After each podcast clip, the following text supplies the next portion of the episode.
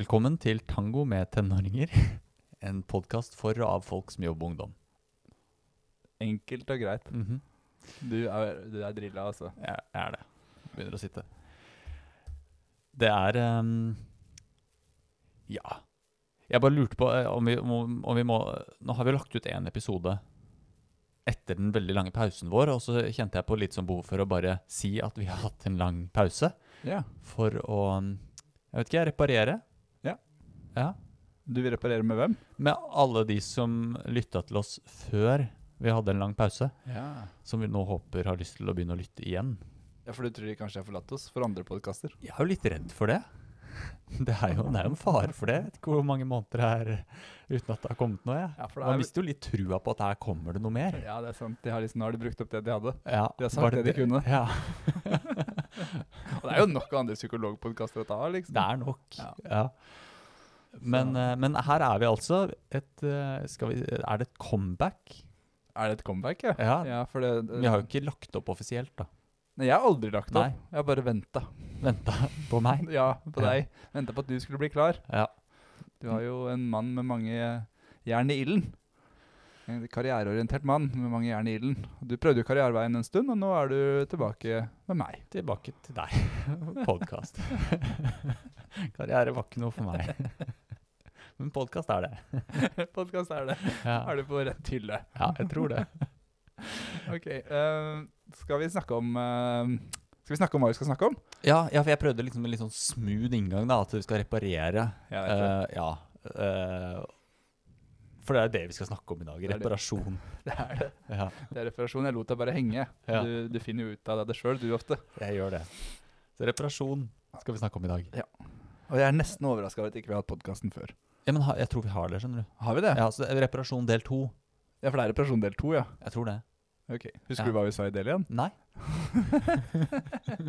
Da er det spennende å se om vi sier det samme en gang til. Ja. Eh, da er det fare for gjentakelse i dag, men eh, sannsynligvis så eh, drodler vi nok litt videre òg. Det tror jeg. Mm. Det er jo som du, Jeg syns det er litt gøy. Du har, du har hørt på podkasten vår, og så, det har for så vidt jeg òg. Jeg gjør det ikke så ofte. Jeg er ikke så glad i min egen stemme som du er. Nei, det vet vi. Ja. Jeg er veldig glad i min egen stemme. Ja, Du er veldig glad i min stemme. Ja, din stemme òg.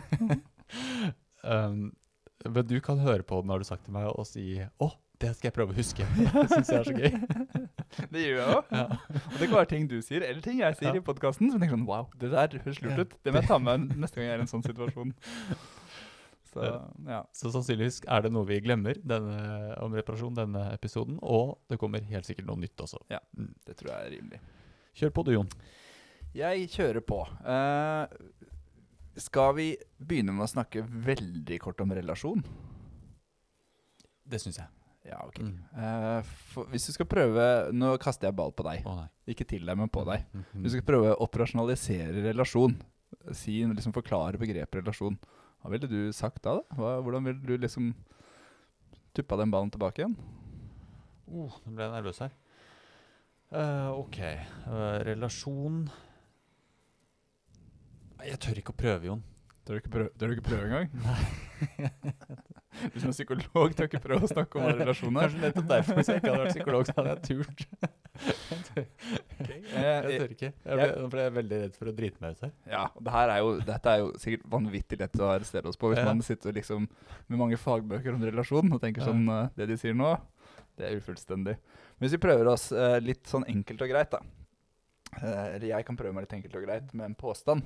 Og jeg tenker jo at relasjon er et fenomen som uh, eksisterer mellom to mennesker eller flere mennesker her og nå. Mhm.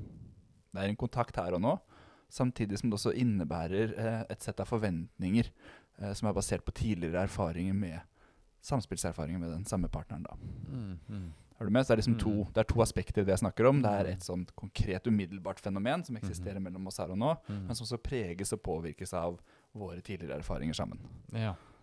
Og de henger jo veldig sammen, for hvordan jeg tolker deg her og nå, vil jo påvirkes av jeg har forventninger Mm. fra tidligere. Mm. Ja. Det Ja. Mm. Så hvis jeg hadde hatt erfaringer med deg uh, som tilsier at du er veldig kritisk til meg, så Mm. ville jeg tolket veldig mye mer av det, alle, all de, all de spøkene dine, ville jeg tolket som vesentlig mer kritiske enn uh, enn det jeg gjør, da. Ja, og det jo Mm. Det ligger jo på deg at ikke du tolker de så kritisk som det egentlig Som er. Som egentlig bør.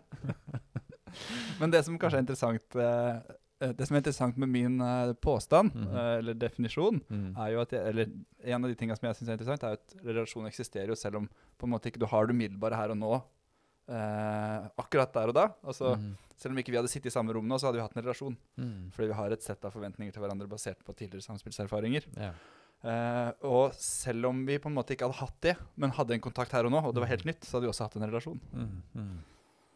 Er du med? Mm. Mm. Så det er ikke noe du må ha begge deler da, men oftest tar man begge deler da. Ok, da, det var det som jeg har lyst til å si om relasjon. Det er masse vi kan si om relasjon, for relasjon er jo operasjonalisert opp og i mente Ja. i psykoterapi. Det er det. Og hva skal til for å få god relasjon? Og hva skal på en måte gå til for, være til for å få en god terapeutisk relasjon? Mm. Det er masse som er snakka om. Ja. Det er kanskje ikke det vi skal snakke om i dag. Nei. Nei, det er ikke Nei. det. Så vi, vi, går videre på reparasjon som en i- veldig viktig ingrediens i en god relasjon. Yes. Eh, men før vi kommer på reparasjon, så må vi jo snakke om på en måte det som fordrer en reparasjon. Hvis man snakker om relasjon som en kontakt her og nå, da, Mm. så vil jo brudd være et opphør av den kontakten. Mm.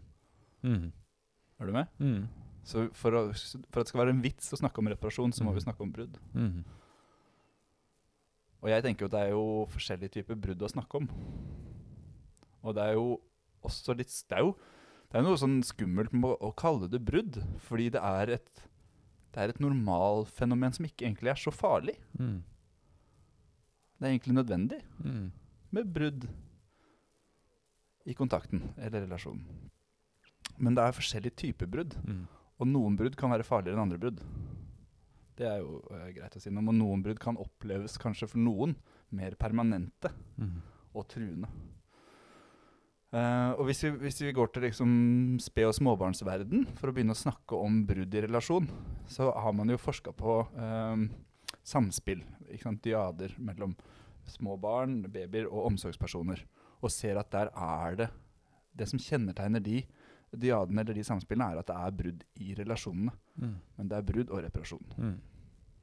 Og det er det som også er utviklingsfremmende. Det er ikke utviklingsfremmende å prøve å være i forkant og unngå alle brudd i relasjonen. Det som fremmer faktisk god utvikling, er at vi har disse brudda Mm. med påfølgende reparasjon. Mm. Så sånn sett så er brudd en nødvendighet, men brudd er også veldig sånn eh, naturlig nok eh, angstaktiverende. Og det handler jo eh, Eller det kan man jo argumentere fra ut fra et evolusjonsperspektiv. For, for sped og småbarn så er brudd i relasjonen med omsorgsgiver, altså tap av kontakt med omsorgsgiver, kan være livstruende. Mm. Altså De er helt avhengig av at den relasjonen består. Mm. For omsorgsgiver passer på, beskytter dem, gir dem mat, gir dem næring. Og får de ikke det, så kan de dø. Så allerede der er brudd stressende, da. For barn eh, eller ungdom. Altså for, spå, for småbarn, da. Men, men dette her kan vi overføre til ungdommer, og vi kan overføre det til voksne, vi kan overføre det til alle. Det er iboende i oss at når det er brudd i kontakt med en annen, så blir vi litt stressa. Mm. Og det kan vi lære oss å håndtere. Og mange av oss har lært å håndtere det. Og mange har ikke så mange gode erfaring med at det kan håndteres. Og blir så stressa at det nesten tar de ut av evnen til å være i kontakt. Ikke sant? Mm. Og da er det jo interessant å snakke om. Ja. Det var lang monolog. Ja, jeg, jeg sitter med og nikker jeg, og, så, og sier mm. Mm. For jeg, og så sitter jeg og lurer på om du kanskje kjenner på så lite mikrobrudd Med deg. Med meg? Mm. Ja. Og det, det er rett og slett fordi jeg bare det her, du, Jeg syns du forklarer det så godt. Ok, takk. Og så Ja, så jeg vil bare ikke avbryte den forklaringen din. Nei. Jeg har hørt på deg før, og når du, når du først begynner denne, denne, tiraden, denne monologen, så tenker jeg da, nå, må jeg, nå, må jeg bare, nå skal jeg bare lytte. Det er, min, det er min plass nå. Så skal jeg høre på hva du har å si, så skal jeg prøve, å- prøve å lære meg det, så jeg kan eh, så jeg kan si det selv en dag vi skal holde en eller annen veiledning, og du blir syk eller noe, da. Ja. Ja, Det, Så nå må jeg bare lytter, jeg nå. du bare lytter, Ja. ja. Men ehm, Jo, takk. Det var jo mange gode komplimenter der. Jeg har så Ja. behov for å spøke det bort når du begynner å gi meg Ja, nei, komplimenter. nå forsøkte jeg å reparere da, det Ja. lille mikrobruddet. Ja, det var også veldig fint, da. Um, men det som på en måte kanskje blir det neste steget, eller det som også er viktig å si noe om, er jo at eh, et brudd i relasjon, selv om man kaller det brudd, så tenker jeg at et brudd i relasjon kan uh, omfatte bare øyeblikk med forstyrrelser i kontakten, eller opphør av kontakt. Mm. Og det er det som kanskje er brudd. Altså med, med, med sped og småbarn så tenker man på et, en forstyrrelse i synkroniteten. Mm. At det på en måte utvekslinga um, blir en slags mismatch. da. Mm. Men hvis, man, hvis vi definerer brudd i relasjon som et opphør av kontakt også, Mm. eller forstyrrelser i kontakten, så er det kanskje en ryddig måte å tenke rundt det på. Mm. Et oppbrudd i kontakt. Mm. Ja. Man er liksom ikke helt på bølgelengde Ja. akkurat der og da. Ja, det kan være brudd. Mm. Og kanskje de mest vanlige brudda. Mm. Og som, det er også brudd man kanskje ofte, som oftest kjenner på. Mm. Og som man kanskje er best på å reparere uten at man er, uten at man er bevisst det. Mm. Men det kan vi snakke mer om etterpå. Og så tenker jeg at det som handler, altså Hvis vi skal snakke om hva gode relasjoner er, eh, så tenker jeg at det er greit å si at gode relasjoner handler ikke om å bli enige om hvordan man unngår brudd sammen, men hvordan man sammen klarer å finne tilbake igjen i etterkant av brudd. Ja. Altså hvordan man sammen reparerer. Mm. For det er også et felles prosjekt i det vanligvis. Ja. Og særlig når det er på en måte to, to godt fungerende eller to relasjonelt godt fungerende mennesker, de klarer å finne måter å reparere på sammen. Ja. Og så er det jo ikke alltid vi kan i de, i de vi er med, da, altså som, som vi holder podkast om og for, eller ungdommer, så er det ikke alltid jeg tenker at vi kan eh, forvente at de skal bidra likeverdig inn i reparasjonen som vi gjør. Jeg tror kanskje vi der som omsorgspersoner uh, har et mye større ansvar for Ja. å på en måte få, dette, få denne reparasjonen i gang og i havn. Det tenker jeg er veldig viktig å si. Og, og en av de store fallgruvene Mm. for at reparasjoner blir gode, er nettopp at vi noen ganger, og, og veldig ofte med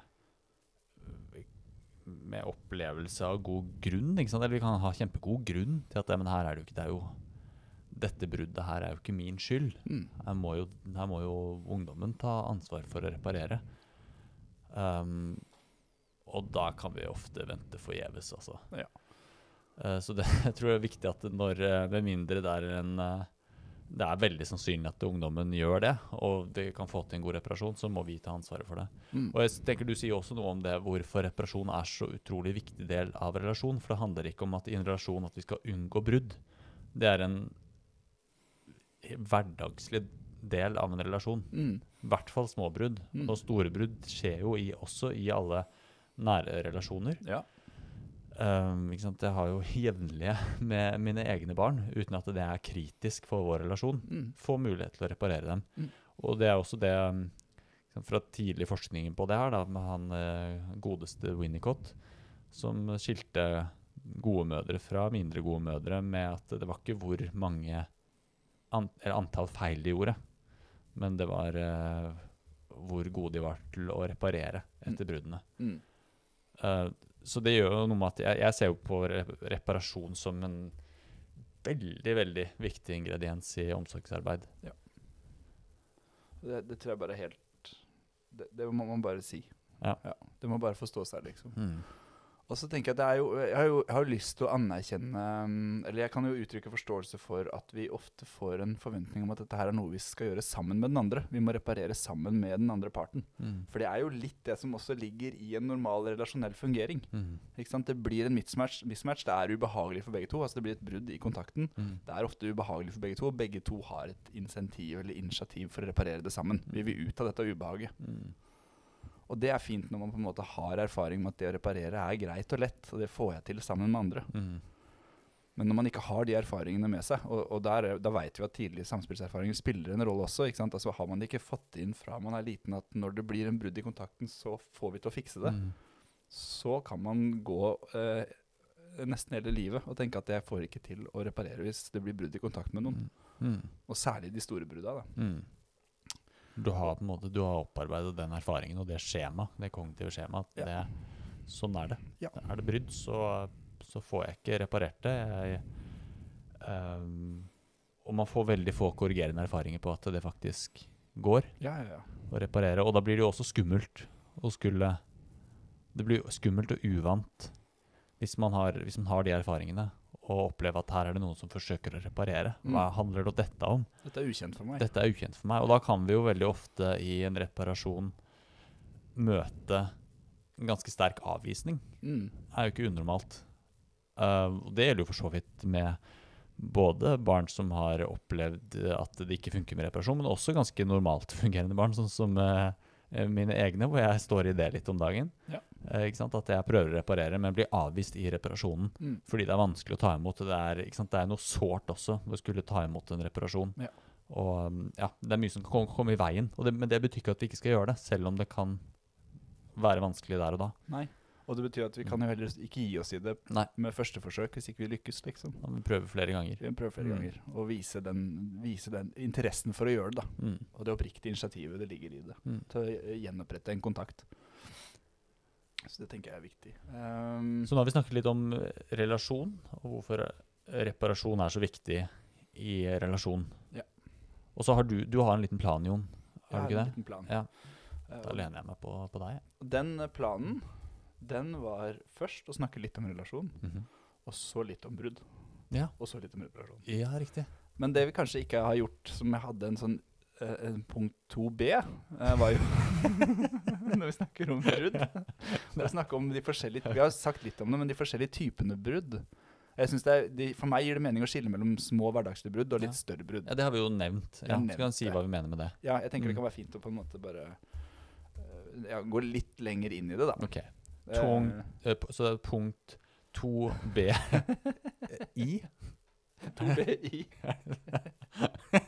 Vi funker best på manus. Det er jo bare å si som det er. Og så kommer 2BII etter det. Ja, Ja. og så er det 2C. I.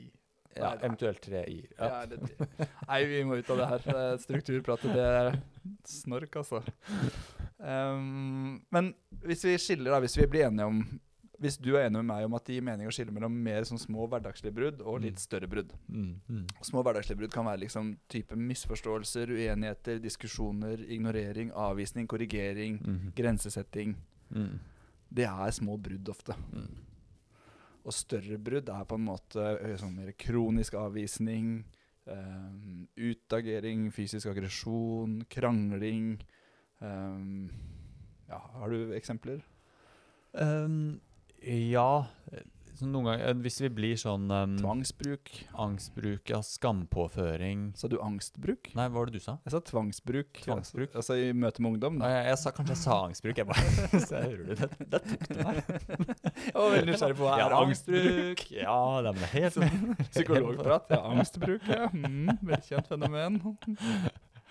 Um, altså sk uh, skampåføring Ja. og, og sånn eh, når vi begynner sånn eh, Sånn som jeg tror vi veldig fort kan gjøre At når vi kommer med sånn der liksom, Jeg kaller det oppgulp jeg, fra egen oppvekst, som vi Ja. gjerne sant, har fått når, når voksenpersoner har vært sinna på oss. Uh, ja, men du gjør jo alltid det. Ja. Nå har jeg sagt det til deg ti ganger, og du hører jo aldri etter. Ja. Uh, sant? Det kan være noe Eller når vi setter sånne merkelapper. Mm. Du eh, Du hører aldri etter. Du skal alltid ødelegge ting. Ja. Eh, du lyver jo alltid. Du blir eh, eh, Du Du, eh, du skal Du skal alltid slå. Eh? Når vi begynner å sette sånne merkelapper ja. Det kan være ganske store brudd som krever ganske mye reparasjon. For da setter vi et sår som kanskje kan, som kan være mye større enn det vi er klar over i øyeblikket. Ja, ja, ja, absolutt. Altså. Og det først, altså, jeg tenker også når vi begynner å kategorisere på en måte, Ja. veldig sånn eh, endimensjonalt, da, Mm. eller veldig sånn eh, ut fra en, en egenskap, Mm. så, så tenker jeg at det forstyrrer jo eh, muligheten til å være her og nå. Ja. Jeg, jeg ser deg jo bare i lys av den ene egenskapen jeg er opptatt av, Mm. og det er jo et kontinuerlig brudd egentlig i en relasjon. Ja. Så det er et stort brudd. Ender med deg. Godt Eh, poengtert. Og det krever Ja, det kan, jeg vet ikke om vi skal komme tilbake til det når vi trår så feil, da. Mm. Uh, for der kan vi jo da Vi ønsker jo da gjerne endring, men vi kan trå så feil at uh, vi isteden bidrar til å en, at det kan At en selvoppfyllende profeti Mm. ikke sant? En unge som gjør veldig mye, finner mye ugagn Hvis vi begynner å sette den merkelappen Du skal alltid lage trøbbel. Mm. uh, så bidrar vi til å bygge opp den identiteten. Eh, og kanskje bidrar til at uh, han lever opp til den identiteten, ikke sant? Mm. den forventningen som er fra de rundt. Ja. Uh, så det å holde det spesifikt, og da i de situasjonene også Hvis vi, hvis vi ser at det oi, her bidrar til å bygge opp et stigma, så, må vi, så har vi ganske stor reparasjonsarbeid å gjøre. Og Mm. noen ganger så må vi også for de ungdommene og barna reparere for flere enn, enn oss selv. Det er et sånt stort tema. Ja, det er et stort som tema. jeg ble usikker på om vi skal gå veldig inn i, men jeg, jeg er veldig opptatt av det. i hvert fall. Jeg, jeg tror vi må grense, eller avgrense oss noe når vi begynner å gå inn i eh, altså, stigmatisering eh, og stigmatiseringsprosesser og identitetsutvikling eh, på bakgrunn av det. For det det er, et, det er jo det er helt vi- sentralt. Vi har en egen episode på det. så Ja, jeg jeg tror det si, også. Hør på den. så Mm. Stigmatisering til den. etter den. Mm. ja, så bra du husker til navnet på den. Jeg tror den heter det. Ja, det, det er godt nok. Ja. Um, ja. Men det er i hvert fall Eksempler på store brudd. eksempler på store brudd, for Ja. å hente oss litt inn igjen. Og så må jeg bare si det, eksempler på små brudd kan også være at um, uh, jeg eh, Hvis jeg ikke uh, møtte en ungdom på en eh, så i, på en måte Eller møtte en ungdom på en måte som ble opplevd som avvisende. Kanskje jeg ikke hadde et nok engasjert hei. Kanskje jeg ikke fikk med meg at hun snakket til meg, og jeg var opptatt med noe annet og fikk ikke svart, eller svarte ikke på en eh, tilstedeværende nok måte, så kan jeg tenke at det er et mikrobrudd. Men for denne ungdommen, med den relasjonshistorikken og de erfaringene hun eller han har, så kan det bli et kjempestort brudd. Mm. Fordi det kan tolkes som noe helt annet enn det intensjonen var for, fra meg. ikke sant? Ja. Så i brudd vi, det, vi skal også være forsiktige med å definere og si at ja, men det var jo bare et, det var et mikrobrudd. Fordi det var jo så lite det som skjedde der. Mm. Uh, om det er et stort mikrobrudd eller et stort brudd, handler jo om hvordan ble det opplevd av den andre. Ja. Og det holder at én part opplever det som et Ja. stort brudd for at det faktisk er et stort brudd. Ja, og da må vi forholde oss til den virkelighetsoppfatningen. Ja. Da er det hjelper det ikke å si at det var jo ingenting. Nei. For det var det, da. Og så er jo dette helt oppkonstruerte kategorier. Småbrudd og storbrudd. Ja, ja. Altså, jeg, jeg tror ikke liksom Det går ikke an å gå inn og sjekke med partneren din Du, det vi hadde nå, var det et stort brudd eller et lite brudd? Eh, Ja. Fordi det er, ikke noe, det er ikke noe konsensus rundt hva som ligger i disse her. Eh, små, små, små og store brudd-kategoriene. Men det gir mening å skille mellom de brudda som skjer hele tida i hverdagen som vi kontinuerlig reparerer. Ikke sant? Og det kan jo være en beskjed jeg gir eh, til barna mine som ikke de tar imot, Mm. eh, og, eller som, som setter i en eller annen sånn emosjonell aktivering som ikke jeg Mm. får med meg, f.eks. Mm. Eh, til en, en, en mangel på å fylle en forventning fra samboeren min. Ikke sant? Jeg, jeg skal støvsuge hver søndag, men så støvsuger jeg ikke en søndag. Så er det et mikrobrudd i det som forstyrrer kontakten mellom meg og henne, som vi egentlig trenger å adressere for å komme litt videre. Og så gjør vi kanskje det. Kanskje Ja. jeg plukker opp, for jeg er så jækla intuitiv. Så plukker jeg opp at her er det et eller annet jeg skulle ha gjort, som ikke er gjort. Vent litt nå, det er søndag. Den støvsuginga. Og så kan jeg si noe om at vet du eh, så, det glapp for meg, eller så kan jeg begynne å støvsuge det da i sånn panikk. Ja. Bare for å liksom få det til å komme på stell igjen. Ja. Men det her er ting som vi på en måte ofte har i ryggmargen å fikse opp i. Vi, pluk, vi plukker opp at det er et eller annet som er i disharmoni med den andre her nå. Mm. Jeg og den, vi, Mm. det, vi, vi skyter ikke på alle sylindere her. Mm. Det, er, det er en forstyrrelse i Mm. kontakten. Og så fikser vi det. Mm. Med barn eller med samboer eller med venner eller kollegaer eller sjefen eller hvem enn det er, liksom. Og det er den normale måten å håndtere brudd på. Det gjør vi hele tiden. Det gjør vi hele Mm. tiden. Og så tror jeg vi mange ganger med de ungdommene vi jobber med, så tror vi at vi fikser små brudd som skjer i hverdagen. Mm. Og så gjør vi kanskje ikke det. Mm. Fordi de skjønner ikke helt reparasjonen, eller de er ikke Mm. vant til den type reparasjon. Eller de får ikke med seg reparasjonen. Mm. Og da tenker jeg at hvis vi, hvis vi på en måte er litt oppmerksomme på det På liksom når er det vi Oi, kanskje det ble litt misforstått, det jeg kom med Mm. der. Det er en, eller det er en risiko for at den faktisk Jeg merker at noen ganger trekker seg litt unna nå. Kanskje det var noe som skjedde i stad som den fikk noen reaksjoner på. Eller Mm. kanskje jeg burde fikse opp i det. Så tror jeg vi kan forebygge veldig mange større brudd. Ja. Når vi hele tida liksom sjekker innom Du, er, er vi litt på nett her? Ja. Eller, eller mista jeg deg litt i stad? Eller gjorde jeg noe i stad som ble litt dumt? Mm. mm. vi Mm. tør å ta den innsjekken innimellom, da. Mm. Og ikke bare la de sitte på rommet og sture og tenke at nå vil de bare være i fred, eller nå trenger de bare få lov å være aleine litt. En Ja, vakt eller to. Den, ja, den kan være skummel. Mm. Så det kan bli skumlere, for da tror jeg de Mm. små brudda vokser seg store, litt sånn som du sa. Ja. Så jeg tenker det må liksom kontinuerlig Ikke kontinuerlig gå og så liksom hele tida Du, er alt bra mellom oss? Du, hei, er alt bra mellom oss? Mm. Mm. Men de gangene vi merker at nå er det et eller annet som skjedde, eller nå er det litt Nå, nå trekker han seg litt unna, liksom. mm. At vi da tør å sjekke litt innom Hvordan blei det her, eller Ja. skjedde det noe i stad som ikke jeg fikk med meg, eller Ja. Bare så du veit, så er jeg her hvis det er noe du vil, liksom. Ja. Ja. Og i det så tenker jeg det er også en fin øving, for da kan vi jo være bli avvist på det. Jeg 'Er du ikke ferdig med det ennå?' Jeg driter jo i det. Ja. Uh, og det tenker jeg det gjør ikke noe. Da kan vi jo legge oss flate på det. Bare, ah, jeg bare tenkte på det. det, det da bomma jeg. Mm. Da, da var det ikke noe i det. Eh, sorry, jeg ville bare sjekke. Uh, og det tenker jeg, enten det er noe i det eller ikke, så er det en god erfaring Mm. Og, ha, og, og, venne seg til at det er, det er greit. At her er det noen som faktisk bryr seg så mye at de er villige til å sjekke innom med meg. Uh, så om ikke annet, ja, hvis det ikke er noe i det, så får man bevist at, uh, at jeg bryr meg så mye at jeg vil sjekke inn. Mm. Og er det noe i det, så kan det være man får en avvisning på det, men det er noe i det likevel. Og det var begynnelsen på en reparasjon, en øving i å motta en reparasjon. Ja. Og så får vi heller støtte hverandre som kollegaer da, og som voksne i at vet du, jeg fortsetter med det der, selv om jeg ser at du, du, får, du, blir, du, blir avvist ganske hardt der i alle forsøkene dine. Men jeg syns du gjør en skikkelig god jobb allikevel, så Ja. fortsett med det der. Det, det, det tror jeg er helt vesentlig. Altså når vi, når vi Hvis jeg skjønner det riktig, altså når vi også står på en måte i i brudd hvor vi blir avvist i reparasjonsforsøkene våre. Mm. Og, og den avvisninga trenger ikke å være sånn ja, Hva er det du snakker om? det? Jeg husker det ikke engang. Det kan Mm. være eh, noen ganger glass som flyr i veggen ved siden av deg, eller meldinger om at 'hva faen veit du, din psykologhore', Mm. liksom. Mm. Uh, du kan ingenting. Uh, så tenker jeg at det er, har du ikke kollegastøtte i å fortsette å prøve å reparere, da, Mm. så gir du deg ganske fort. Ja. Det, er ganske å, det kan være ganske ubehagelig å stå i avvisning når du prøver å reparere. Ja. Også fordi det er noe, Det er noe sårt i det. det er noe sårt i det. Ja. Her kommer jeg til bordet og legger meg litt sånn Jeg kler litt av meg emosjonelt og prøver å reparere et eller annet her, liksom. Og så blir man sveipa beina under, da. Ja. Det kan være vondt. Det er vondt. Ja. ja. Uten tvil. Så det trengs ganske mye kollegastøtte for å fortsette å Fortsette, da. Ja. Vi hopper litt grann nå. Ja, vi gjør det, for vi Ja, For vi har begynt å snakke om reparasjon uten å egentlig definere reparasjon også. ja vi kanskje det? Har vi det? Ja. Hva er reparasjon? For det, øh, det Men har du ikke sagt det? Gjenetablere kontakt? Jo.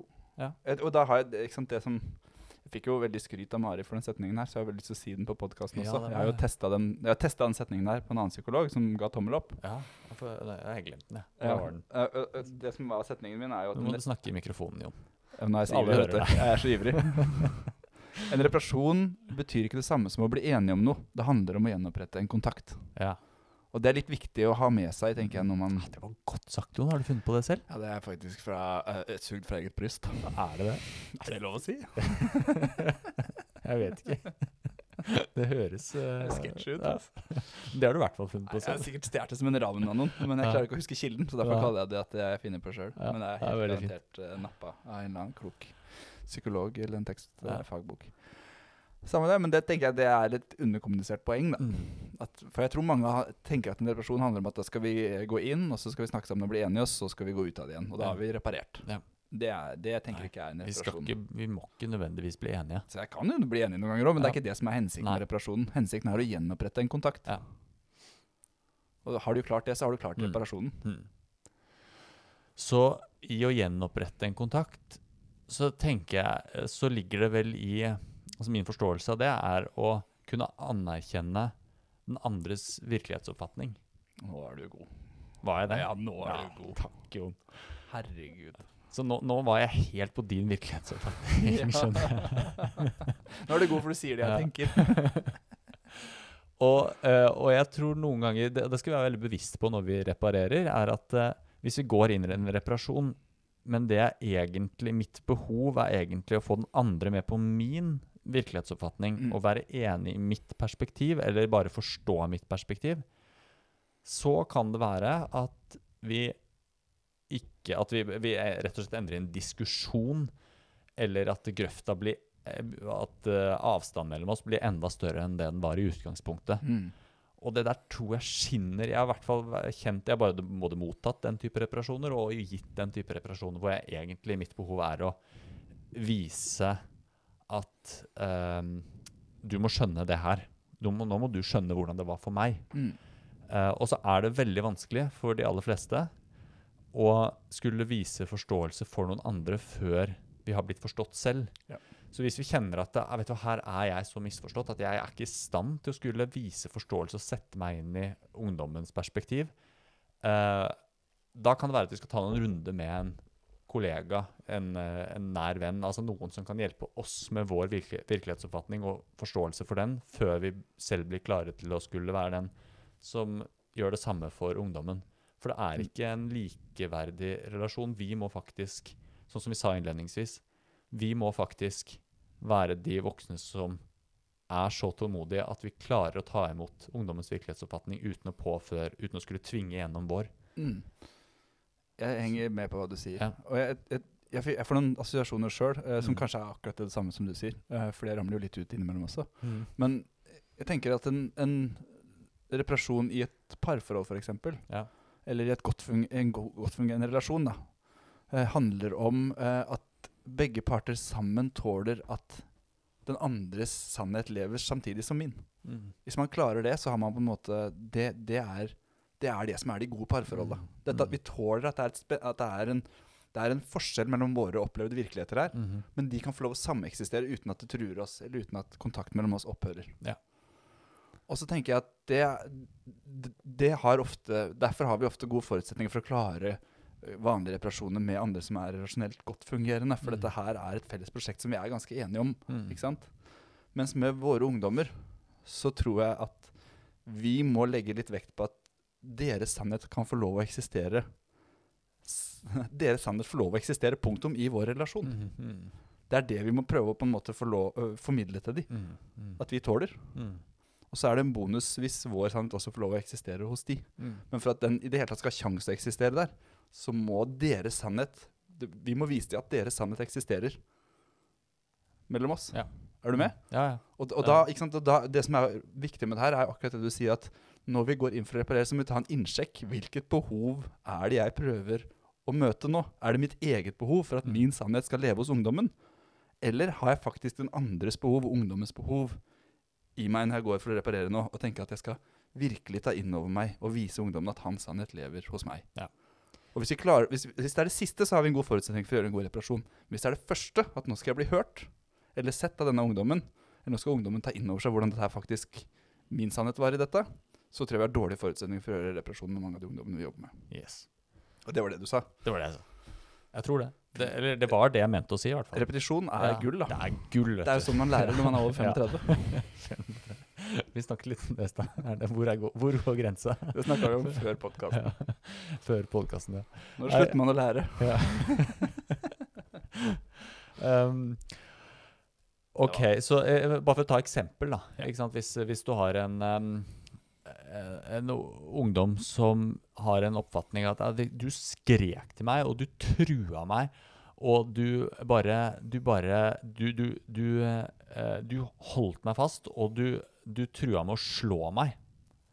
Eh, så jeg måtte jo rive meg løs. Og jeg ble så forbanna at derfor kasta jeg den Derfor knuste jeg den TV-en. Mm. Ja, ja. Eh? Så, så kan det jo være fristende, i hvert fall hvis vi kjenner på at ah, det her stemmer jo ikke i det hele tatt. Jeg snakket til deg rolig.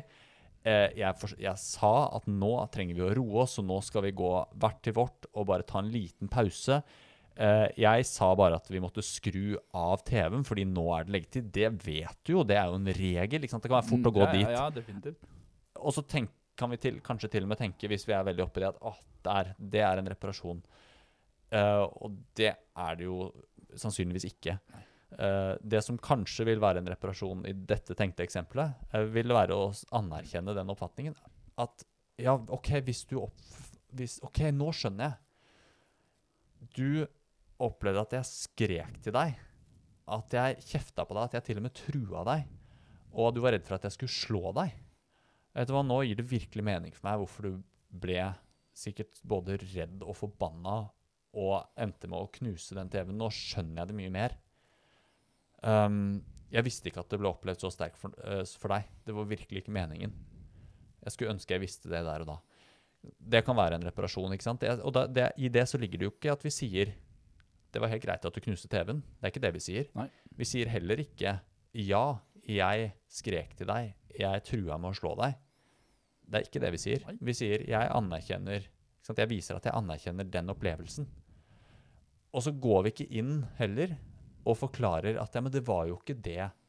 Vi gjør det på en måte ved å si at det, det, det, var, det ønsket jeg virkelig ikke. Jeg er lei for at det ble sånn. Ved det så sier vi jo at det, på en måte at det var ikke det som var intensjonen. Mm. Men vi sier ikke at 'jeg gjorde ikke det'. Nei. For begynne, da blir det en diskusjon. Er en, eller en korreksjon. Eller en korreksjon. Ja. Og da, da blir det ikke en reparasjon. Da blir det bare en diskusjon rundt hvem er det som eier sannheten her. Du sier at jeg gjorde det, jeg sier at jeg ikke gjorde det. Her, og, og så kommer vi sannsynligvis ikke noe nærmere hverandre. Nei, for, for jeg tror vi skal det, Jeg tror det er et kjempeviktig poeng du er innom nå. At når vi snakker om hva er reparasjon, Mm. så må vi skille det fra på en måte korreksjon, Korreksjon, ja. Mm. eller moralisering eller Mm. konsekvensformidling, uh, eller altså hva enn det også er vi har behov for å gjøre. Mm. Men en reparasjon handler ikke om det. Nei. En reparasjon handler om å gjenopprette en kontakt. Det er ikke der, det er ikke der vi vil straffe. Det er ikke, Mm. det er ikke altså straffe det er, Nå tok jeg meg sjøl i å si, si ordet på en måte som uh, jeg egentlig ikke mente det, men det er ikke der vi vil formidle konsekvensene eller si at noe er uakseptabelt, eller Mm. moralisere, eller hva enn det er vi har eh, behov for. da. Nei. Reparasjon handler om å gjenopprette en kontakt. Ja. Og det, Derfor så skiller det seg på en måte fra, fra veldig mange andre ting vi også gjør Mm. i etterkant av uh, alvorlige hendelser. da. For det, kan- jo være nødvendig å reparere etter en utagering fra ungdommens side. Og så kan det også være behov for å si noe om hva er konsekvensene av det som skjedde. Mm. Og så må vi skille de to prosjektene fra hverandre. Mm. Vi kan ikke begynne å blande de sammen. Nei. For da får vi verken til det ene eller det andre. Ja. For jeg tør jo påstå at hvis du kan gjenopprette en kontakt i relasjonen først, så har du mye mer sjanse for å nå igjennom med konsekvensene du ønsker å formidle seinere. Mm. Det er større sjanse for at ungdommen tar inn over seg eller hører på eller møter deg på det, Mm. hvis relasjonen er påkobla igjen. Mm. Men hvis du tenker at jeg skal formidle de konsekvensene, for det er det jeg er så opptatt av når vi er så forbanna, Mm. eller Han må jo skjønne at det ikke går an å holde på sånn. Mm. Så tror jeg de konsekvensene faller på steingrunn Ja, hvis ikke de formidles i en relasjon. Det, gjør, det, det bare forstørrer avstanden. Ja, det så det er enda vanskeligere å gjenopprette den kontakten. Ja. Men uh, hvis vi fortsetter på det samme eksempelet Vi har jo en egen episode om det òg, faktisk. eh. På, uh, de, det må jo få konsekvenser, heter den vel. Uh, og, og, og noen ganger så må det jo det. Uh, bare være enige om hva, er liksom, hva skiller konsekvenser fra straff. Eh, og i det tiltenkte eksempelet så kan man jo tenke at en konsekvens skal være at, uh, at eh, man eh, vi, treng, vi må få erstattet den TV-en. Mm. Eller i hvert fall rydde opp glasskårene. Mm. Kan, og det er gjerne fint å ha hatt noen tanker om det på forhånd. da. Så det er liksom etablert at det, sånn rydder vi opp etter oss her. Um, og da kan det jo være ikke sant? først reparasjonen. vet du hva, eh, Nå gir det så mening for meg hvorfor du ble så sinna. Um, og, og, og, og nå skjønner jeg mer ja, jeg, jeg, jeg, Nå skjønner jeg din opplevelse, ikke sant? og så kan vi si det med mange forskjellige ord som når fram. Mm. Um, og da kan vi gå videre til å si Du, sant, når vi tror at det har nådd fram, så kan det være vi også når gjennom med å si Du vet hva, jeg vet ikke om dette er riktig tidspunkt å si det på. Jeg har egentlig uh, ja, jeg, jeg vil bare jeg vil, jeg vil også bare si det, for jeg er så Vi må jo få fiksa den TV-en her. Og eh, jeg vet at det er skikkelig kjipt, men vi må jo både rydde opp, og vi må få betalt for den. Og det er, vi skal bidra, altså, men vi trenger hjelp av deg også. Sånn er det på en måte. Mm. Og det, ja, det er kjipt. Og så kan det være da, da, da vi på en måte Forskjellen er jo fra at det blir en straff, er jo at vi er sammen i det. Mm. Vi, er, vi syns det er kjipt, helt oppriktig, for vi skjønner da helt oppriktig hvorfor det ble så ille. Vi skjønner reaksjonen, vi har vist det, og vi kan faktisk ha empati med at ja, det er kjipt. Mm. Uh, og da kan vi være sammen i det. Som er stor forskjell fra å si ja, nå som du har oppført deg sånn, så må du, så, så må du kjøpe ny TV. Ja. Ikke sant? Så blir det egentlig samme konsekvens, bare formidla på to vidt forskjellige måter. Ja, for det ene, det, altså, Når jeg hører deg snakke om det og formidle det, så det ene har jo høy, en høy grad av emosjonell blaming på en Mm. måte i seg. Altså I tillegg til den konsekvensen, den faktiske konsekvensen, som er Mm. at vi må rydde opp i det som skjedde, Mm. så er det også en underkomponent av emosjonell eh, klandring, Ja. hvor du skal ta inn over deg. Altså Du skal ha litt skyld eller Mm. skam, og den skal jeg påføre deg, liksom. Mm. Som jeg tror er unødvendig. Ja, Det er unødvendig, og så vet vi jo bare at det er det motsatte av reparasjon. Ja. For ja, eh, kanskje det funker sånn der og da, men vi bygger jo ikke opp eh, relasjonen. Vi bygger jo opp en Det som veldig ofte skjer, er jo at eh, ungdommen eh, får, flere, får tanker om at 'jeg skal hevne meg', kan jo være tanker man får. Eller 'du bryr deg faen ikke, du skjønner ikke meg'.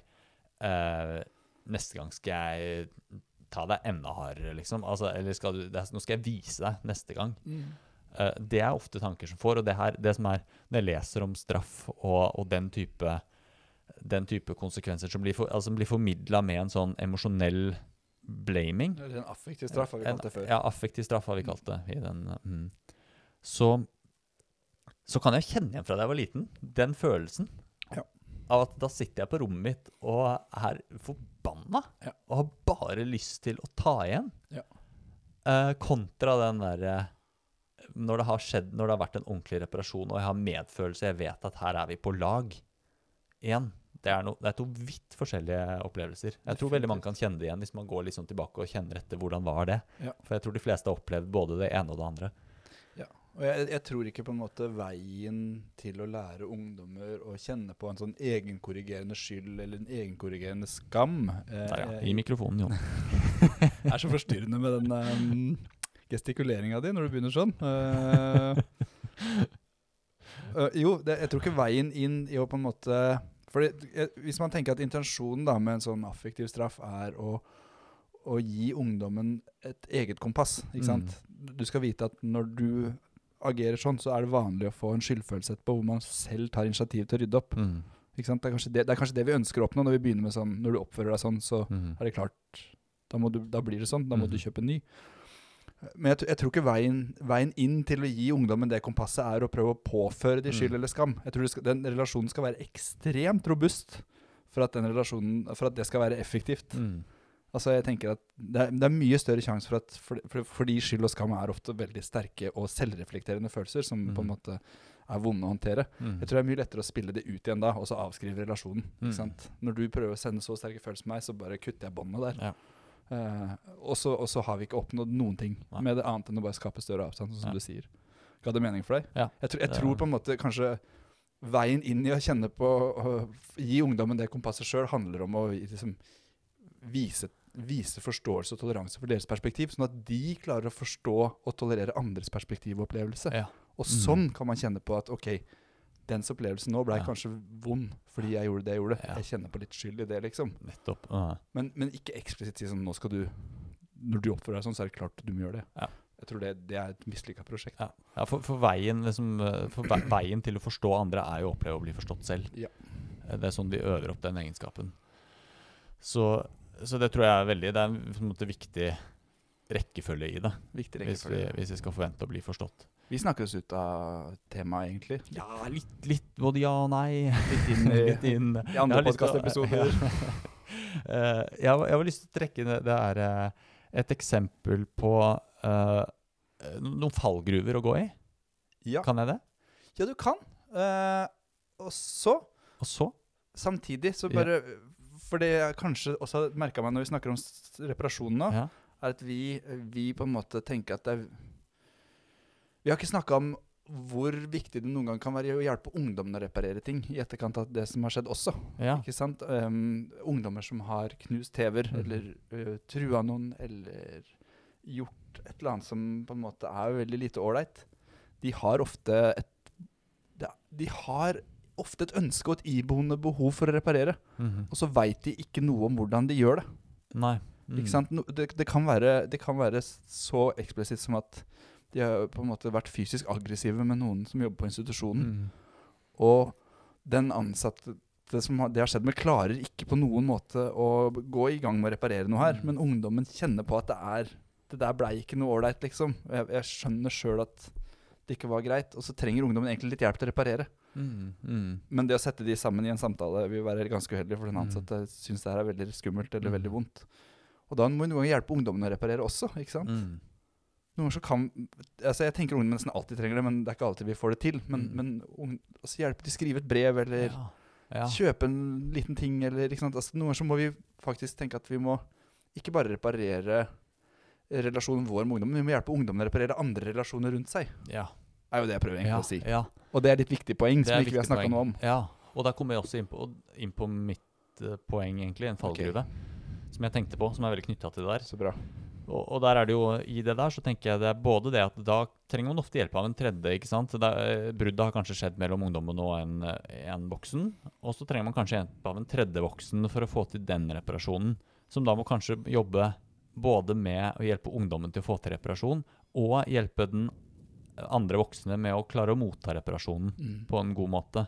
Og det innebærer, som vi, kan, som vi har snakket litt om, noen ganger så innebærer det rett og slett i første omgang å motta den vok andre voksnes virkelighetsoppfatning. Og være den som tar imot den, så at den andre kan føle seg forstått. Ja. Uh, At du på vegne av på vegne av ungdommen gjør det. Ja. Fordi det har vi alle behov for. mm. Uh, og så snakke litt om sant, hvordan kan vi nå nå, kan, nå, nå, skal, nå skal jeg hjelpe ungdommen å reparere litt.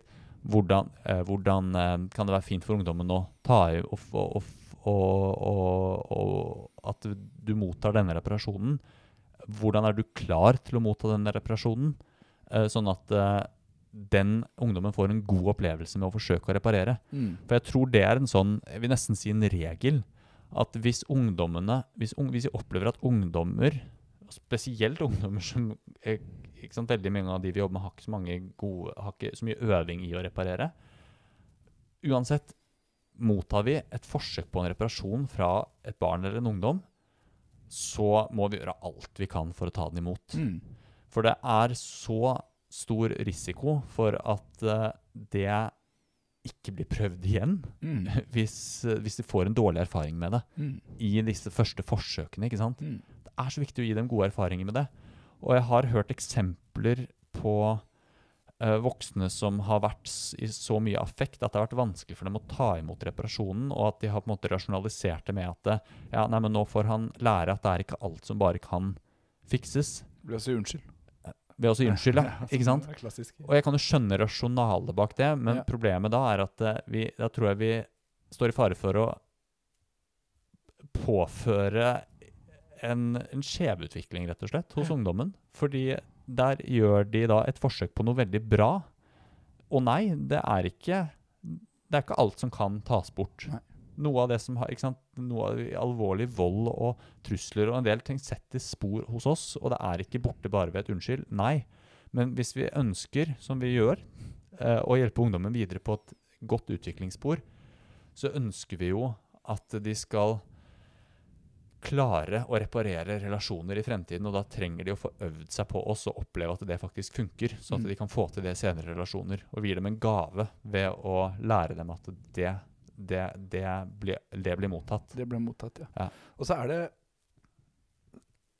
Så jeg får så behov for å si at jeg, jeg klandrer jo ingen som blir utsatt for noe veldig sterkt av en ungdom, og får, får store reaksjoner i etterkant av det for at ikke de klarer å ta imot en reparasjon. Jeg skjønner det veldig godt. Ja, ja. Det Hvis, det er, hvis, hvis ungdommen har gjort deg livredd eller Mm. påført av altså hvis fysisk vold? Altså Mm. det, det er mange ting som kan skje da, som, som virkelig setter folk ut av Mm. balanse. mm.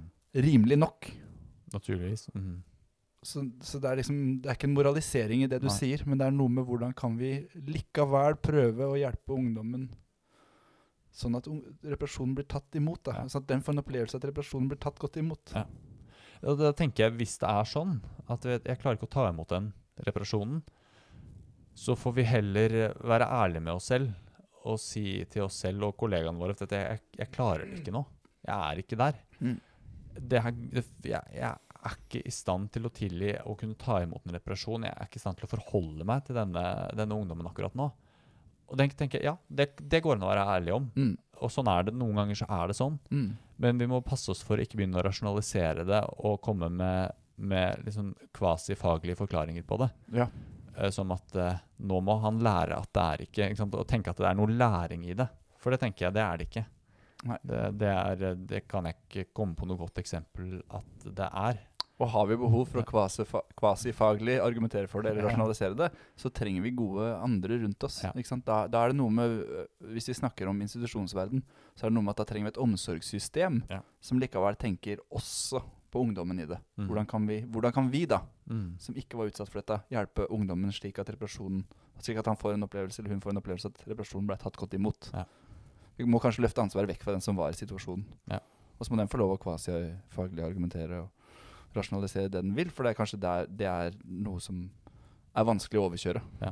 Mm. Men da, da, da er vi flere rundt disse Ja. ungdommene, på en måte. Og da er det viktig at man ikke blir et ekkokammer, da. Ja. For den som har vært utsatt for noe, men at man faktisk også klarer å holde fram det vi trenger å være opptatt av her, som er å møte ungdommen på dette. Ja. Og lære han at det å reparere, det kan man gjøre. Ja. Og det er viktig. Mm. Det er en ferdighet. De kommer til å trenge hele livet. Ja. Faktisk. Så bra. Da, lander vi det. Da landa vi. det. sånn var det. Hva, Ferdig snakka. hva, nå er vi, er vi på punkt 2C. I, i, i. Hvor er vi nå? Nei, vi er på punkt 3, for vi snakker om reparasjon. Ja, Altså ja. Hvis du tenker punkt 1 og relasjon ja, Nei, ikke, ikke kom oppramsingen, bare To brudd. Punkt 3 reparasjon. Okay, greit. Um, ja. Jeg lurer på det er jo mange, det er så veldig mange ting uh, vi kan snakke om uh, når vi begynner å snakke om reparasjon. Men det er kanskje Det tenker vi kanskje skal gå videre på nå, er litt sånn konkret Hvordan tenker vi at en reparasjonssamtale etter de større brudda kan være? Mhm. mm. Tror du ikke det? Vi har jo på en måte prøvd satt oss ned og prøvd å drodle ut en liten oppskrift av noen prinsipper man kan følge. Ja, fint. Mm. Er du med på det? Mm. Um, og hvis vi nå tenker at vi snakker til eh, omsorgspersoner, og det kan være de som Mm. jobber på institusjon, men det kan også være de som jobber med ungdom eller har ungdom hjemme og Ja. ønsker å gjenopprette Ja. en kontakt. Mm. Det er prosjektet nå, husk det. liksom. Og noen ganger, bare for å skyte inn det Skyt inn. Skyt inn det. eh, At noen ganger så kan vår, vårt viktigste reparasjonsarbeid ikke nødvendigvis være Hvis vi er mm, folk som jobber med ungdommene, så kan vårt viktigste reparasjonsarbeid være å hjelpe de som er enda viktigere i ungdommens liv. Foreldre, tante, onkler, altså søsken. Altså hjelpe de med å få til en god reparasjon Absolutt. og forberede de så at det blir en genuin reparasjon. Eh, for veldig ofte har det vært forsøkt mye, men det er vanskelig hvis man har to vidt forskjellige virkelighetsoppfatninger hvor det er knytta veldig mye følelser til. Så Mm. når vi noen ganger bruker tid på, nettopp som vi snakket om litt med kollegaer, at da må kanskje eh, en far eller en mor eller en tante eller en onkel være den som får lov til å lufte litt for oss, og vi kan ta imot det, og så kan vi hjelpe med hvordan kan du få til å få til en reparasjon med barnet ditt, Yes. eller nevøen, eller ja. Og det, det spiller seg inn i den lille oppskriften vi har lagd, Ja. tenker jeg. For det, her kommer det noen viktige prinsipper. Mhm. Og jeg tenker det, det viktigste her er, hvis det er en stor eh, reparasjon som skal gjennomføres, eller en reparasjon etter et stort brudd, er at vi må vente til vi sjøl er innafor toleransevinduet. Mm. Vi må ha kontroll på våre egne følelser Mm. når vi går inn for å prøve å, å gjenopprette kontakt med den andre. Mm. Og det er nettopp for å unngå det der med, med en affektiv blaming, eller bli insisterende på at vi skal bli sett eller hørt eller forstått, eller at vi på en måte kan hvile i at nå handler det om å få tak i den andres opplevelse her, og Mm. vise den at dens opplevelse har en plass Mm. i vår, i, i vår kontakt. Eh, sånn at det er på en måte det viktigste. Vent til du selv er innafor toleransevinduet. Ja. Og så har jeg punkt to, og her kan man kanskje diskutere det, men her er det vent til ungdommen er innenfor toleransevinduet. Og det er ikke alltid vi kanskje får til det. Noen Mm. ganger så tror jeg kanskje vi må gjøre mange små mikroreparasjoner for å hjelpe ungdommen inn i toleransevinduet igjen, før vi får gjort en, en større reparasjon. Mm. Men, men jeg tenker at det er noe å det er noe, vi er, det er noe som gjør jobben lettere for oss. Det er lettere å snakke til noen som er på en måte emosjonelt litt regulert, Mm. Uh, og få, få noen ord inn på tvers der, enn Mm. det er med noen som er helt fly forbanna på oss, eller såra eller lei seg, eller uh, hva enn det er Ja. de sitter i av store følelser. da. Og her tenker jeg, for å hjelpe litt med å skille uh, det ene fra det andre Her snakker vi om timer, Ja. ikke dager. Vi snakker om timer, ikke dager. Det er fint. Eh, Kanskje altså, noen ganger minutter. ikke sant? Altså det, er, det, er om, det er ikke snakk om de Det er ikke nødvendigvis Nei. snakk om dager, Nei. og ikke nødvendigvis snakk om timer. Nei. Men noen ganger kan det være snakk om lengre tid også. Men jeg tenker da, vi må begynne, vi må begynne før, for noen ganger så kan vi også vente for lenge. ikke sant? Og det er det Ja. du sier da, at vi må også, da må vi begynne å nærme oss igjen. Ja. Og sjekke hvor nærme kan vi gå, hvor mye kan vi få til av reparasjon nå. Vi må begynne å gjenopprette den kontakten. Det er en avveining i, i det, for jeg tenker at det er en risiko for at jo lengre tid det går fra bruddet til du begynner en reparasjon, Mm. jo, jo større sjanse er det for at bruddet vokser. Ja. Sånn at hvis du tenker at nå må jeg bare la ham være i fred en ukes tid før jeg går og Mm. snakker med han, så risikerer du faktisk at bruddet ikke på noen måte repareres i det, men at det bare blir et større og mer uh, et vanskeligere brudd å reparere. da. Ja. Så vi kan ikke hvile at nå skal vi bare vente noen dager og gi han litt tid. Men det er også noe med å Det er kanskje ikke lurt å stikke hodet rett inn til en ungdom som akkurat har kasta glass etter huet på deg, liksom. Nei, nei, ikke sant. Så det, det, er en, det er en avveining i det. Ja, man må ta det litt sånn Bare passe på å ikke Gå i en ene fallgruve eller en annen fallgruve. Og ikke unngå å reparere fordi man er redd for å reparere. For noen ganger kan man begynne å rasjonalisere det ikke sant? Ja, ja. og komme med det jeg kalte kvasifaglige argumenter for, Ja, det for det. ikke sant? Ja, helt enig. Og det, det her er på en måte ikke et påskudd for å vente. Mm. Men, men det er noe med å øke sjansen sin for å lykkes, da. Ja. Da må man gjøre noen, vurdi- noen, overveininger, Mm. vurderinger. Og så kommer det som veldig mange syns er vanskelig å svelge. Er Erfaringsmessig når vi legger fram det her, Mm. eller når vi veileder på dette her. Og det er begynn med en uforbeholden beklagelse over at det ble en vanskelig situasjon for den andre. Og da må du på en måte finne et eller annet perspektiv som, som gir mening for deg. da. Mm. Du må på en måte sympatisere med den andres opplevelse i det du sier det der. Mm.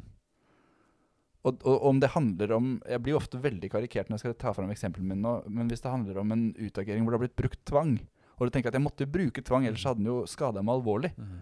så går det likevel an å sympatisere med at det var ubehagelig for den andre Mm. å bli holdt fysisk fast, Mm. føle at noen tok fra en kontroll. Mm.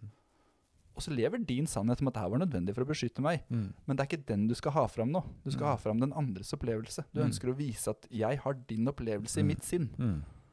Det er det du egentlig ønsker å formidle. Mm. Så, så finn en eller annen uforbeholden beklagelse over at det ble en vanskelig situasjon. Men det må gi noe mening for deg. Ja. Hvis det her ikke henger på greip med hvordan du har det inni deg, du egentlig er råforbanna på ungdommen, og så sier du det der, så skinner det gjennom. Da skinner det gjennom. Det blir ikke kongruent. Det blir ikke kongruent. Så uh, bare for å ta et eksempel, da. eh, s- ehm,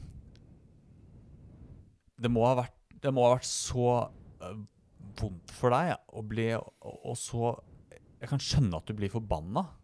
At det her tar Altså at jeg holdt deg fast, og at du ikke kunne Altså den situasjonen hvor, hvor, jeg, hvor vi tok fullstendig kontroll. Mm.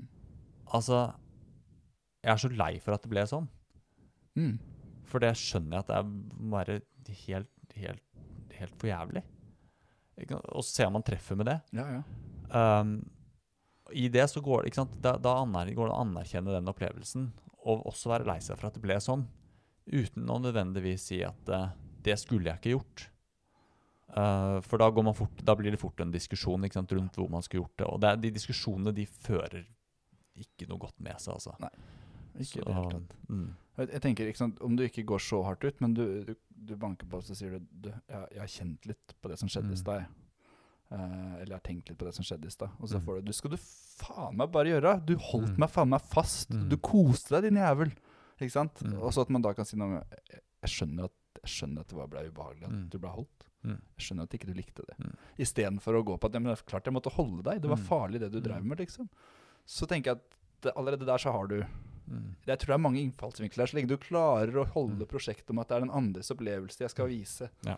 eller jeg skal ha en forståelse for noe. mm. Eller jeg, bare, jeg er lei for at det ble sånn. Jeg er lei for at det ble sånn, ja.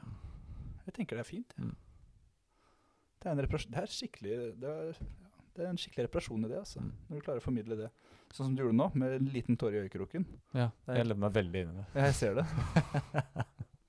Herregud, jeg føler, jeg føler at du har, du har reparert et eller annet kjempesår som vi hadde i relasjonen uten at jeg helt Ja. husker hva det var. Ja, nei, jeg da holdt jeg fast i. Nei, det går ikke inn på det. Men det, uansett hva det var, så har noen carte blanche reparert Ja. noe sånn kjempestort brudd vi har hatt nå. Altså. For Det var sterkt. Og, og, og ikke sant, Nå sa vi punkt fire, for det punkt fire handler om å gi uttrykk eh, for forståelse for at det her har vært vanskelig for ungdommen. Mm. Ikke sant? En, en ting er en uforbeholden beklagelse, Mm. og det andre er å gi forståelse eh, for at det her har vært vanskelig for ungdommen. Mm. Og så er det punkt fem. Vær veldig lydhør for hva ungdommen bringer inn i samtalen her. Her skal, Mm. du være, her skal du øra så på stilk at hvert ord du får, er gull. Mm. Om det så er, sies i affekt eller hva enn det er, så er det her en mulighet for å virkelig vise ungdommen at du er på parti med hans opplevelse. Mm. Valider, valider, valider. Mm. Det er ikke rart. Din opplevelse er ikke rar. Mm. Din opplevelse er helt meningsfull. Mm. Den skal du få ha. Mm. Den er det plass til her. Mm. Det er validering. Mm. Så det er liksom, her skal man være undrende med, med ungdommen. ikke sant? Være, øh, være god på å prøve å få tak i hva, hva, hva skjer i deg her nå. Mm. Hvordan er dette her for deg? Hvordan blei det for deg? Mm. Um, Og det her er jo ingen plass for diskusjon eller moralisering eller korrigering Mm. eller konsekvensformidling. Mm. Det har null i akkurat dette prosjektet med reparasjon å gjøre. Mm. For da har du skutt beina, eller slått beina under deg selv, eller hva det heter. Ja. Du har mislykkes, da. Da har du gjort to ting på en gang. Som, som Det ene slo i hjel det andre, og det andre slo i hjel det første. Så det er viktig å huske. Det er ikke plass. Mm. Og så kan det være man kommer til et punkt, da. Og det her er jeg, det her er jeg litt mer skeptisk til. Punkt seks, men jeg liker det likevel. Hvis man kommer i havn med en reparasjon, Mm. så kan man sammen prøve å Sammen med ungdommen prøve å finne ut hva vi kan gjøre annerledes neste gang for at det ikke Mm. skal bli sånn som det blei. Og da gjelder det jo å være raus med forslag på egne vegne. Ja. Ikke forvente at ungdommen skal si noe om alt den skulle gjort annerledes, Mm. men være raus med forslag på egne vegne. Mm. Og i det så viser du noe om at jeg ønsker ikke at du skal få det sånn en gang til. Nei. Jeg ønsker ikke at vi skal ha det sånn en gang til. Mm. Det er også en del av reparasjonen, men er, dit kommer man kanskje ikke. Og da er det greit. Kommer du til punkt fem, så har du vært svinegod. Mm. Det vil jeg bare si, altså. Og mest sannsynlig gjort en god reparasjon. Ja. Og så her eh, er jo no noe som vi også prøver å formidle, eh, som mange reagerer på. Og det er at når du skal ta initiativ til en reparasjon etter et større brudd, så kan det noen ganger være fint å ha med en liten ting. Ja. Det er jo noe vi snakker om. ikke sant? En liten brus eller en liten sjokolade eller et eller annet sånn konkret Mm. som, som signaliserer at jeg, jeg bryr meg om deg, jeg vil deg vel, Ja. liksom. Um, Jeg, ten jeg tenker det er, er, er fint. Uh, og så kan, kan det komme diskusjoner rundt Ja, men forsterker vi ikke den atferden. da? Da viser vi at vi kommer bare med brus når du har gjort noe Når du har oppført deg sånn. Uh, og, og det gjør vi jo det, det, det, Vi forsterker den jo ikke, med mindre vi på en måte i situasjonen når den TV-en blir knust, så kommer vi liksom og sier du, hvis du slutter å knuse TV-en nå, så får du en brus. Eh, eller, eller enda en Eller her, her får du Eller enda, enda verre, da. Altså, her får du eh, eh, OK, her har du den brusen, da. Så kan du sette deg ned den, med den istedenfor å knuse TV-en. Da kan det være vi forsterker deg. ikke sant? Vi Mm. kommer umiddelbart på en atferd og gir, gir en belønning for det som holdes på med. Men reparasjon skjer jo ofte litt etterpå. Det vi ønsker å forsterke da, er jo ikke Da forsterker vi ikke atferden som har vært. Vi forsterker det å få til en reparasjon. mm. Uh, og Det å vi- gjenopprette kontakt. det å gjenopprette kontakt. Og vi for, hjelper til med å forbinde det med noe hyggelig som ofte er mer konkret uh, og forståelig for, uh, dis, for, for ungdom og barn Ja. enn eh, ordene vi bruker. Så det å på en måte knytte de sammen kan være fint, fordi det å få Det er noe reparerende i det. Å få en liten gave. Det, det viser jo omsorg, og det er en konkret måte å motta omsorg på som for mange er mer forståel, forståelig, og den, de er mer vant til. Så jeg tror det kan være fint ofte. Ja. Mm. Og jeg, jeg, vi, nå er det jo lenge siden jeg var uh, i vernepleieryrket. Mm. Men hvis jeg husker riktig der, mm. uh, og min læringspsykolog riktig, så er kontingens en sånn Mhm. sentral faktor innenfor hva er det vi faktisk forsterker opp eller straffer. Mm. Og det handler om hvor tidsnært Ja. leveres Mm. Konsekvensen Mm. i etterkant av atferden. Mm. Og hvis du tenker på at det å ha med en liten gave for å gjenopprette kontakt, mm. så er det faktisk det å gjenopprette kontakt som er det mest tidsnære som du forsterker opp. Ehm, eller du forsøker å forsterke opp, da, for Mm. du, du veit jo ikke om du forsterker opp noe før du ser om atferden øker i frekvens. Nei. Men det er en annen teknisk diskusjon. Det har vi også en episode Ja. Men, men, men da tenker jeg at det du faktisk prøver å forsterke opp, er det å gjenopprette kontakt, som Ja. du sier. Ikke sant? Mm. Det som kommer nærmest i tid, Ja. Er den atferden du mest sannsynlig påvirker. Så jeg, jeg syns den oppskriften der er god, Jon. Ja, jeg er enig med og jeg tenker at vi skal, eh, Selv om vi blir avvist i forsøk på reparasjoner, så må vi fortsette å prøve å gjenopprette den kontakten. Og det trengs ofte mye støtte mellom hverandre. Og hvis vi ikke får det til direkte med ungdommene, så kan det også noen ganger være en fin idé å gjøre det eh, Si foran eh, en, en kollega, en ansatt, en annen voksen. uh, ta tak i ting som, sant, fine ting som vi ser ungdommen har gjort. Det kan også noen ganger være når vi opp, ønsker å gjenopprette kontakt. Hva du, jeg, setter sånn altså, når, vi, når vi vet at ungdommen hører på. Mm. Sånn, si fine ting om om, ungdommen kan være en vei inn til å gjenopprette kontakt. Absolutt. Eller Oi, nå raste nesten mikrofonen min her. Ble litt ivrig. Uh, eller eh, en annen fin øving i reparasjon for Eller ja, hva skal jeg si Altså en måte å formidle lære bort reparasjon da, Mm. til, til ungdom, er jo også å være å modellere det. At vi, hvis vi har hatt en liten, vi voksne har hatt en liten uenighet, så kan vi gjerne, hvis vi føler oss trygge på at dette er en jeg kan få, få til en god reparasjon med her og nå, Mm. at vi kan gjøre det i miljøet foran ungdommene. Mm. Uh, det tror jeg det er så mye fint i, for det viser en kultur. Det viser, da, det, da modellerer vi akkurat den kulturen og akkurat det vi ønsker å få til, Ja. og blir rollemodeller i det. Og det tror jeg også er uh, altså jeg, jeg kjenner det på det også som forelder selv, at jeg noen ganger glemmer viktigheten av det litt. Ja. Hvis det er ting jeg vet egentlig at dette, kun, dette kan jeg faktisk få til å reparere med kona mi mens barna ser på. Ja. For de har sett at det, det oppstår en liten uenighet, et lite brudd i relasjonen. Mm. Det får jo de med seg. Mm. Men det er ikke alltid de får med seg at vi reparerer det, og hvordan vi reparerer det. Nei. Så det å være litt bevisst på at når jeg tror jeg kan få til det foran dem, Ja. så gjør det. Det, Det er, det magiske uh, uheldige uh, er jo at vi som foreldre ofte krangler foran barna og reparerer når de har lagt seg. ja, så de ser aldri at vi reparerer. Nei. Nei. Det, er, det skal vi være obs på, Ja. altså. For det er, eh, er Da går de glipp av viktig læring. De går glipp av veldig viktig læring. Hva var det som skjedde? Altså, en dag er de glad, i hverandre. Nei, men så flott. Men, det, men hvordan skjedde det, liksom? Og kanskje Ja. det, det fine med det er at de lærer at vi tåler å være uenige. Ja. Fordi vi våkner opp dagen etterpå og er enige igjen. Eller er vi, tål, fint. vi, tåler å, Mm. vi tåler å være uenige, for vi våkner opp dagen etterpå og har kontakt igjen, liksom. Mm.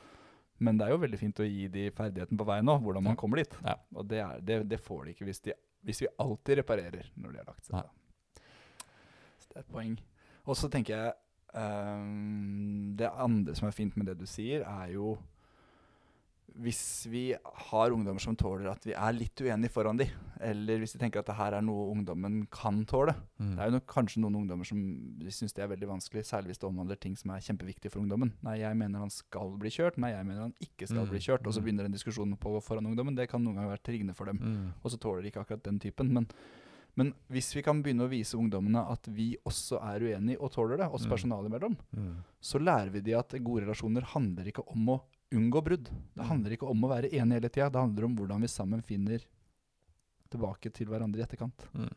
Ikke sant? Vi tåler å være uenige, og vi har ferdigheter og, og strategier for at vi finner tonen tilbake. Mm. Hvis vi kan vise dem det, at det skjer hele tida, Mm. så lærer vi dem masse godt bare Mm. gjennom modellæring, sånn som du sier. Og der er det jo- Jeg, jeg, jeg stjeler poengene dine i dag Ja. og reformulerer de. Ja, jeg Jeg syns du har så gode poeng, og så vil jeg gjerne at de skal være mine. Så der fikk dere den av meg. Men det jeg syns er fint med det du sier, eh, det er eh, jeg, jeg tror det er mye viktig modellæring i, i det. At vi kan være litt uenige, og så komme fram til på en måte Altså sammen lande enten i uenigheten eller komme fram til noe. Eh, en risiko ved det er jo også hvis denne uenigheten ehm, vi ikke kommer fram til noe, at det bare blir, sant, bare, bare blir et stort hull der. Eh, vi bruker jo Jeg tenker man skal være litt bevisst på hvordan man bruker det. Mm. Noen diskusjoner må tas på bakrommet. Definitivt. Uh, andre kan med fordel tas foran ungdommen, men da skal man vite at det, ja, dette er en kollega hvor jeg kan ha denne diskusjonen på en god måte. Vi kommer fram til noe, det kommer noe fruktbart ut av det. Eh, sånn som vi, vi bruker jo ofte det bevisst, faktisk, når vi har litt med, litt med spøk også, men i veiledning og i, noen ganger i podkasten at vi, du, vi driver og sjekker ut med hverandre. Du, nå, nå vil jeg egentlig, jeg vil egentlig snakke om det her, jeg. Mm. Nå hører jeg at du egentlig vil snakke om det. Skal vi, hvor skal vi gå videre nå? Ja. Og så kommer vi ganske lett, lett videre, ikke sant? Ja, ja, ja, absolutt.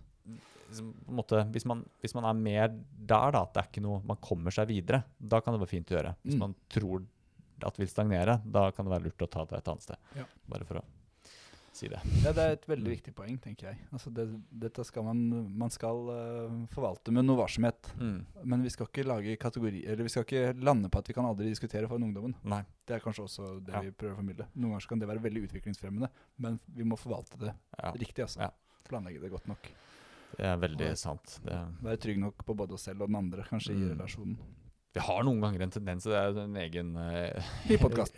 Ja, men jeg, bare, bare si, si det, så skal jeg ikke si noe mer om det. Nei. Men at vi har noen ganger har en tendens når det blir sånn der, eh, vanskelige sant, ting som vi ser noen ganger kan bli et problem, og så skal vi, og vi også da så skaper vi voksne sånn kategorier eller sånn 'Dette gjør vi ikke. Dette gjør vi'. Mm. Eksempel, vi skal aldri diskutere foran ungdommene. Mm. Uh, som blir sånn svart-hvitt-kategori som som ikke nødvendigvis er, er noe i. Eller vi skal aldri eh, vi, skal, vi skal aldri diskutere med ungdommene. Det kan også bli en sånn, ikke sant Uh, nei, vi, noen ganger skal vi ikke det, men noen ganger så kan det være fint eh, Mhm. å komme fram til noe sammen. Eller eller uh, eh, ja, le lekeslåssing også er en sånn liten sånn som jeg har blitt eh, opptatt av. Som, jeg, som kan være en ja, Nå skal jeg ikke gå for mye inn i det der, da, men altså, vi kan ha sånn, vi kan opp, oppnå sånne der kategorier som det er absolutt mye sant i, men som blir så kategoriske at vi glemmer all, alle utviklingsmulighetene som ligger i det vi setter en stopper for. Det er spennende, for Ja. når du begynte å si lekeslåss, så reiste jeg bust. Mm. Ikke bokstavelig talt, Mm. altså. men da tenkte jeg sånn tilbake på min tid som miljøterapeut på Mm. institusjon, hvor jeg konsekvent aldri lekeslåss med noen. Ja. Lekeslåss ikke med en eneste en, selv om ungdommen spurte på lek Altså det var lekne måter de spurte på, Ja. utfordra på lekne måter. Så hadde jeg mine tanker om det. Men det er en annen diskusjon en annen gang. Ja, det, det er spent på å ta en diskusjon. Ja. Det, ja, det er det er, men det er en helt annen diskusjon. Det er Nå- en annen diskusjon. Skal vi oppsummere? Vi må oppsummere, for vi må runde av. Eh, og da er det ofte sånn at den som først nevner oppsummering, slipper å oppsummere. Jeg sa det først. Den pleier å være god til å Men den pleier å slippe opp oppsummere fordi den dytter ballen over på den andre. Ja. Uh, og det har ikke du gjort. Så Jo, da jo. tenker jeg at Lars Gjorde jeg ikke det? Nei, du gjorde ikke det. Du sa bare jeg sa det greit, først. jeg skal- så jeg jeg tenker. Skal jeg utfordre deg til å oppsummere? Ja. Eller uh, vil det medføre et brudd i relasjonen oss imellom? Som jeg etterkant må reparere. Det får vi se. For jeg er ikke så god på å reparere Ja. som deg. Altså. Um, Jeg er virkelig lei for at det blei sånn. La meg begynne å oppsummere. Du, er veldig god på å gjøre meg forlegen, i hvert fall. Hjelp på, Lars. Um, ok, vi startet med å definere hva er relasjon. uh, og det sa du så fint, jeg husker ikke ordrett, men altså det er noe kontakten som skjer her og nå, Mm. uh, og historikken vi har med oss som, uh, som påvirker både hva var det du sa? Kontakten som har vært, og hvordan vi opplever kontakten som er her og nå. Det holder. Det holder, ja. Um, og så, ja, så går vi videre til eh, brudd som en helt vanlig del av relasjonen. At det blir en, et, oppbrud, et brudd i kontakten. Ja.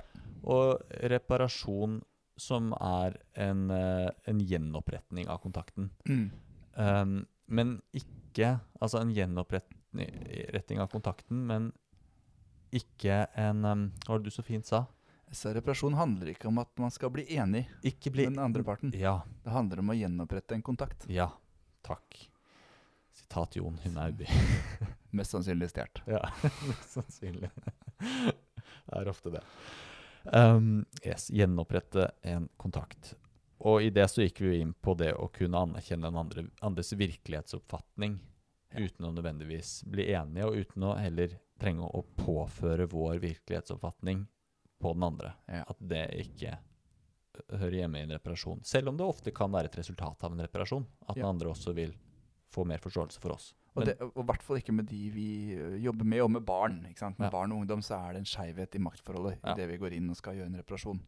Og da, da handler det ikke om at vi skal formidle vår opplevelse. Nei. Da handler det om å vise den andre at deres opplevelse kan eksistere Ja. i kontakten mellom oss. Mm. Ikke avfeie den. Um, og Veldig bra, Lars. Bra, bra at du fikk meg til å si det. og så uh, snakket vi om uh, um, hvordan gjøre en reparasjon. Mm. Uh, du ga en veldig fin en, en oppskrift Mm. um, som uh, Nei, det må du nesten, nesten hjelpe meg med. Husker jeg den? Ja, eh, vi, kan ta, jeg kan ta den veldig fort. Ja. Um, det handler om å kjenne seg sjøl litt og vente til at man er innafor et toleransevindu.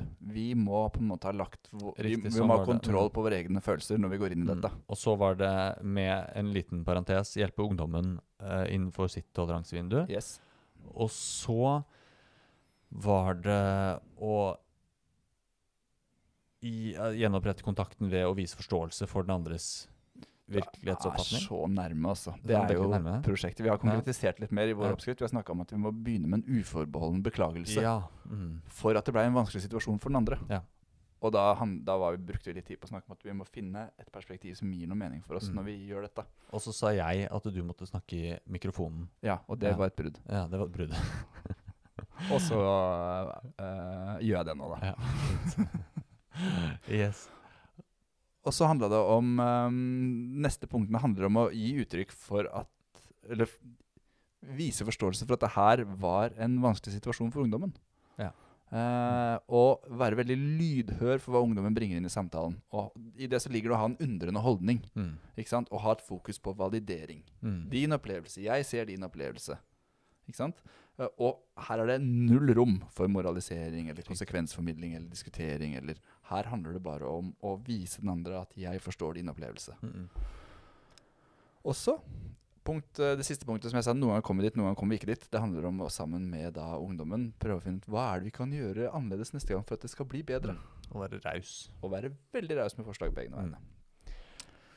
Så det var det. Og så Yes. var vi litt innom det. Skal man ha med en gave, eller ikke ha med en liten gave? Og med gave så mener vi liksom en symbolsk gest som en sjokolade, eller en brus, eller et blad, eller et eller annet som Og så har vi snakket om ulike fallgruver og ulike måter å reparere på, og eksempler. Ja. Eh. Veldig bra. Og så Det her er helt på tvers av alle, all god etikette når det gjelder struktur. For det skal aldri komme noe nytt i en oppsummering. Nei, det Men- pleier du å si, og så gjør du det likevel. Ja. Fordi vi har Det snakka om reparasjon og uten å ha med det som jeg mener er den aller viktigste metaforen eller bildet vi har på reparasjon. Og jeg klør jo inni meg for å få snakke om det. Er det noe fra Japan? Er Det er noe fra skal vi til Japan. Japan ja. Vi skal til anime? Nei da. Eller anime, eller hva det. Anime? Jeg vet ikke hva det er. Kan ikke du snakke om det jeg skal snakke om nå? Eller det jeg har lyst til å snakke om? Um, Kentsu... Nei. Jo, jo, jo. Kentsugu? Eh, Nei da. Du Nei, bomma. Du, bomma. Å, du hadde ballen på straffemerket, og du tok løpefart, og så, Og bomma. så bomma du. Oh, nei. Kintsugi. Kintsugi. Eller kintsukuroi, uten Ja. Ja. at jeg klarer å uttale det. Okay, ja. Uh, som, som jeg mener er en nydelig metafor på relasjon og brudd. Mm. Som handler om den kunstformen som kommer fra Japan, hvor man Når man knuser en vase Mm. eller noe porselen, så forgyller man de limte skjøtene når man Mm. fikser det igjen. Sånn at sprekkene blir framheva i Mm. gull, da. Og tanken her er jo at det nye produktet av den knuste vasen som er fiksa med de fremhevede gullsprekkene, Mhm. den er egentlig et vakrere eller enda bedre produkt enn den opprinnelige vasen. -hmm. Og det er jo for meg sammenfallende med hva jeg tenker om brudd, nei, relasjon og brudd og reparasjon. Ja. Altså, relasjonene våre blir bedre og sterkere når vi klarer å reparere de, og også anerkjenne de brudda som har vært i relasjonen. Altså, vi Mm. prøver ikke å skjule brudda, vi veit at de setter spor, Mm. men vi sammen så er det noe som binder oss enda sterkere sammen, for vi klarte å finne en vei tilbake i det. Yes. Og den metaforen er for meg bare sikkert også eh, stjålet fra noen. Det er jeg dønn sikker på. Men jeg er så glad i den metaforen. Jeg syns den er så uh, riktig. Jeg syns det var en flott måte å oppsummere episoden på, jeg, Jon. Så bra. Ja, Det var ikke noe nytt, det. Nei, Det var bare en metafor som liksom pakka det sammen. Ja, og de som har møtt meg, vet jo at jeg snakker om det hver eneste gang jeg snakker om det. Hver eneste gang. Og nå, helt til slutt, skal vi snakke om klatring. Nå er det Nå runder vi av. Takk for oss. Takk for oss.